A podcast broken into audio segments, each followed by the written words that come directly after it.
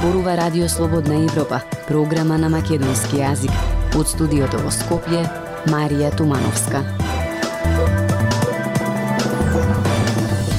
Скоро 20% од жените во преднаталниот период имаат ризик по менталното здравје, алармира стручната јавност, но заради влијанието од средината и притисокот, жените речиси и не бараат помош. Во ек на туристичката сезона и поголема фреквенција, градежните активности на две делници од автопатот пријателство во полна пареа. Наплатата од патарини е исто така највисока во летните месеци, но јавното предпријатие не се откажува од неа. Од светот, додека Украина се приближува кон НАТО, Грузија заостанува.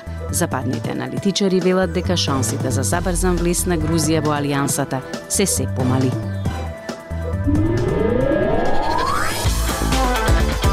Независни вести и анализи за иднината на Македонија. На Радио Слободна Европа и слободнаевропа.мк.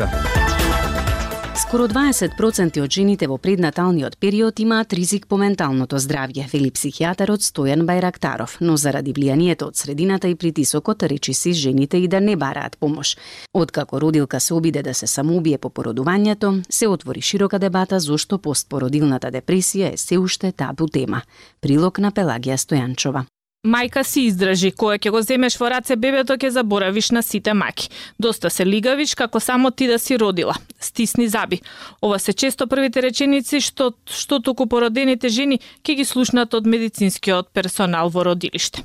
Но не секоја издржува. Покажа примерот со 39 годишната пациентка која на 2 јули се обиде да се самоубие фрлајќи се од прозорец од клиниката за гинекологија во Скопје, откако се породила со здраво машко бебе. Таа по породувањето се пожалила дека е вознемирана и разговарала со клинички психолог, но по три дена пак ги имала истите симптоми, но тогаш разговарала со дежурните лекари. Тие и дале апчиња за смирување и одлучиле за подобра проценка на состојбата пред да заменат клиниката жената да поразговара со психијатар. Но не го дочекала, туку се обидела да се самоубие. Случајот покрена дебата во општеството и на социјалните мрежи.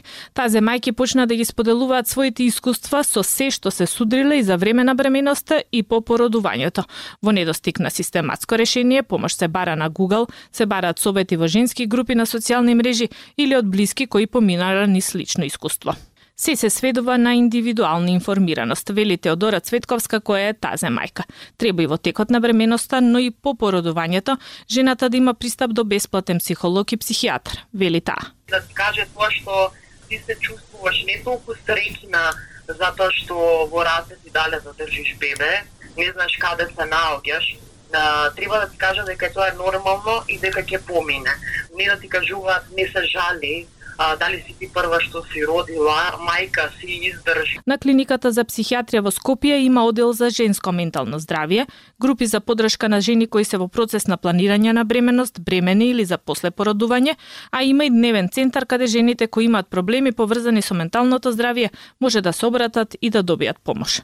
На клиниката може да ги прати матичен лекар или гинеколог, а може и без упат да дојдат, вели директорот на клиниката за психијатрија Стојан Бајрактаров. Там сигурно постојат доста предрасуди, доста стигма околу менталното здравје, посебно на жени, кажува кои се родолки, кои треба да се силни, на кои може и околината да им префрлува зашто, како си не расположува да роди дете, така да тешко се отвара, посебно во подразиционални средини. Скоро 20% од жените во пренатален период имаат ризик по менталното здравје, но размислувањето од средината и притисокот може да им влијаат да не побарат помош, вели докторот се види осудувана дека не се грижи за себе или за своето дете, дека се запоставила, дека го запоставила од домот, а што се работи за медицинска состојба која треба да се третира. Исто како се, што се третира и срцев удар, како што се третира и диабет. Тој додава дека треба поширока борба во општеството против предрасудите, а не само некоја тема да стане актуелна која ќе се случи најлошото. Слободна Европа. Следете на на Facebook, Twitter и YouTube. Туристичката сезона кога автопатот пријателство е најфреквентен не го спречи јавното предпријатие за државни патишта да рехабилитира две делници. Објаснувањето е дека сега е најпогодно време за градење. Во меѓувреме платата од патарини е највисока во летните месеци, а јавното предпријатие не се откажува од неа. Билјана Николовска на оваа тема. Максимум 15 на минути подолго ќе патувате од Петровец до Демиркапија, каде се наоѓаат двете точки на автопатот Пријателство, на кој во моментов има градежни работи, па се вози по една коловозна лента. Ова е според мерењето на јавното предпријатие за државни патишта, кои во моментов рехабилитираат вкупно 25 км автопат. Делницата Петровец Катланово во два правци во должина од вкупно 10 км и Демир Капија Неготино во еден правец од 15 км. Самите признаваат дека градежните работи се во ек на туристичка сезона. Факт е дека градежната и туристичката сезона се поклопуваат бидејќи и ние и градежните фирми кои работат на сите патишта зависат од доброто време и условите за работа. Токму затоа нам ударната сезона ни е пролет, лето, есен. И тоа ако имаме дождлива пролет како оваа. Исто така проблем бидејќи најважните градежни активности можат да се одвиваат само на суво време.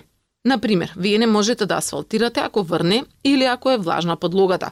Сима процедура на градба на патишта која си ја слезат градежните фирми, велат од јавното предпријатие.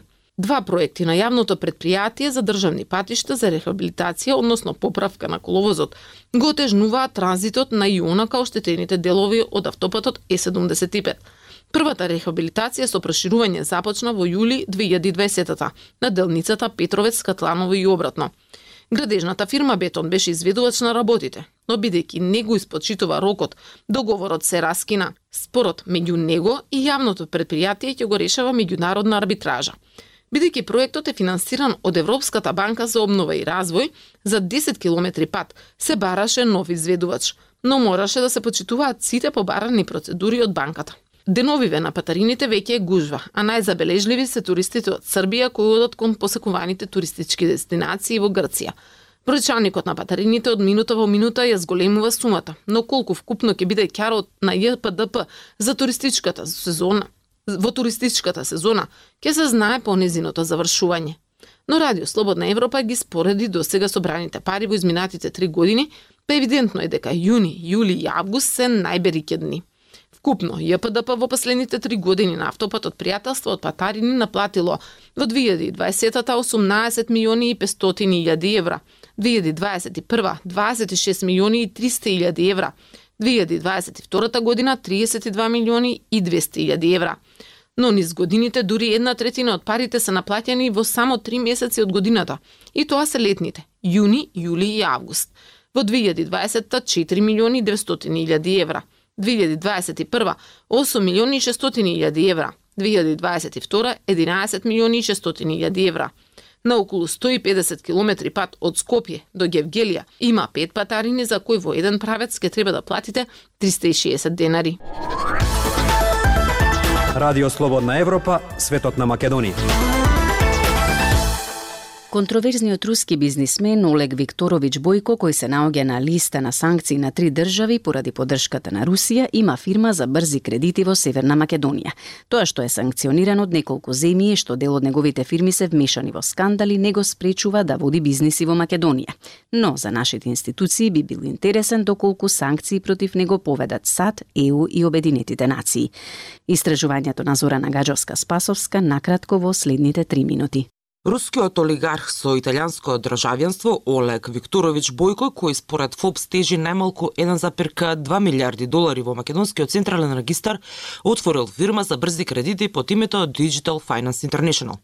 Олег Бојко поседува фирми за брзи кредити во над 30 земји, но проблемот е во тоа што овој 59 годишен руски олигарх е ставен на три листи за санкции.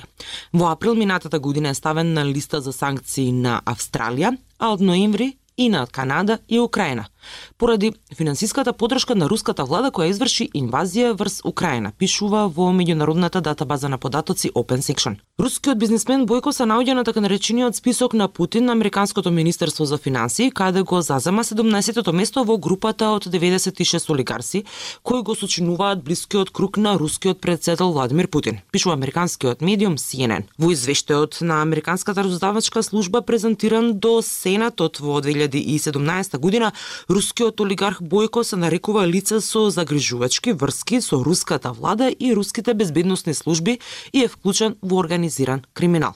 Според истражувањето на романските новинари, Бојко заедно со неговиот партнер од Летонија не користат Малта како даначен рај за своите активности во Европа и САД, додека заработуваат од високи камати и трошоци кои им ги наплаќаат на клиенти предавање на мали заеми на граѓани во земјите во развој. Според Open Section, Бојко покрај рускиот пасош поседува грчки и италијански пасош. Според податоците од македонскиот централен регистар, адресата на живење му е заведена во рускиот главен град Москва, но како држава од која потекнува, односно од која има државјанство, е наведена токму Италија. Разузнавачките извори за Радио Слободна Европа велат дека тој не поседува македонски пасош. По избавнувањето на војната на веб страницата на неговата фирма Финстар, тој соопшти дека срцето му е скршено од конфликтот во Украина. Тој пишува дека се залага за дипломатско решение за тој конфликт. Тој во Северна Македонија преку Digital Finance International ги поседува брендовите за брзи кредити, познати како Forza и Креди, а неодамна неговата фирма го најави производот Хипокредит со кој може да се подигне кредит до 65.000 евра со залог од недвижен имот со рок на отплата до 15 години. Со половина милион евра влог фирмата Digital Finance International е запишана во Македонскиот централен регистар во 2016 година. За само 5 години од основањето на ранг листата од 35 финансиски друштва кои се занимаваат со брзи кредити во земјава, во 2021 се искачи на седмото место со приходи од 2,5 милиони евра. Но добивката во завршната сметка изнесува само 10% од приходот, односно 226.000 евра, додека сето останато во завршната сметка доставено до Централниот регистар е заведено под расходи. Лани пак им паднала работата. Па оваа фирма остварила приход од 1,2 милиони евра. Актуелности свет на Радио Слободна Европа. Од светот, додека НАТО се подготвува за својот годишен самит во Вилнус, целиот фокус е насочен кон придвижување на Украина во воениот сојуз. Грузија се чини е во втор план. Западните аналитичари стравуваат дека иако грузијците може би се уште се заинтересирани за членство во НАТО, 15 години во чекалната доведоа до замор на алијансата кој најверојатно нема да се намали по предстојниот самит во Вилнус. Пренесува Емил Златков. Од 2008-та, кога НАТО им вети на Грузија и на Украина дека ќе станат членки, се чини дека нивните геополитички судбини се тесно поврзани. Постсоветските руски соседи се трудат да му се придружат на Западот. Меѓутоа сега, кога членките на НАТО се подготуваат за годишниот самот во Вилнус на 11 и 12 јули, целиот разговор е за Украина и за тоа како земјата која се бори со целосна руска инвазија поблиску да ја доведе во НАТО. Грузија, каде што војната во Украина ги поттикнува стравувањето од нова руска инвазија, е споредна мисла. Грузија и Украина се движат кон сојузот со различни брзини, но секој се споменуваат во издив. Сега мислам дека тандемот Украина-Грузија е скршен, веројатно неотпавикливо, изјави Боб Хамилтон, поранешен аташе за одбрана на Соединетите Американски држави во Тбилиси. Додека војната во Украина го забрза често нерамниот пат на Грузија кон кандидатурата за Европската Унија, Таа само го забави напредокот над Тбилиси кон пристапување во НАТО, велат западните аналитичари. Врските на Грузија со НАТО се премногу пријатни за да се избегне привлекување на гневот на Москва, велат тие, но не се доволно блиски за да се обезбеди малата држава на јужната граница на Русија. Напорите неодамна се рефлектираа во минато неделната изјава на грузискиот премиер Иракли Гарибашвили за неговата одлука да ја прекине традицијата, испраќајќи го својот министер за надворешни работи наместо самиот тој да присуства на самитот на НАТО во Вилнус. Мораме да му ја кажеме вистината на нашето општество и на нас самите, рече премиерот. Аналитичарите велат дека клучните сојузници на НАТО, вклучително и САД, и понатаму не се подготвени да понудат членство во НАТО и незината гаранција за безбедност. Во меѓувреме, премиерот на Грузија ги доведе во прашање видот на полумерки што алијансата ги нуди во отсутство на каква била гаранција за воена заштита против Русија. Една од главните причини беше НАТО, нели? Проширувањето на НАТО одговори грузискиот премиер на безбедносната конференција во Братислава на 30 мај, кога новинар го праша зошто мисли дека Русија ја нападна Украина. Една од причините беше волјата и решеноста на Украина да стане членка на НАТО. И затоа ги гледаме последиците, додаде тој. Коментарите на грузискиот премиер предизвикаа политичка бура дома – при што опозицијските фигури ги обвинија дека го повторува оправдувањата на Кремљ за војната и дека сака да ги насочи грузијците кон исток. Толку во оваа емисија ја слушавте програмата на македонски јазик на Радио Слободна Европа. Од студиото во Скопје ве поздравуваат Дејан Балаловски и Марија Тумановска.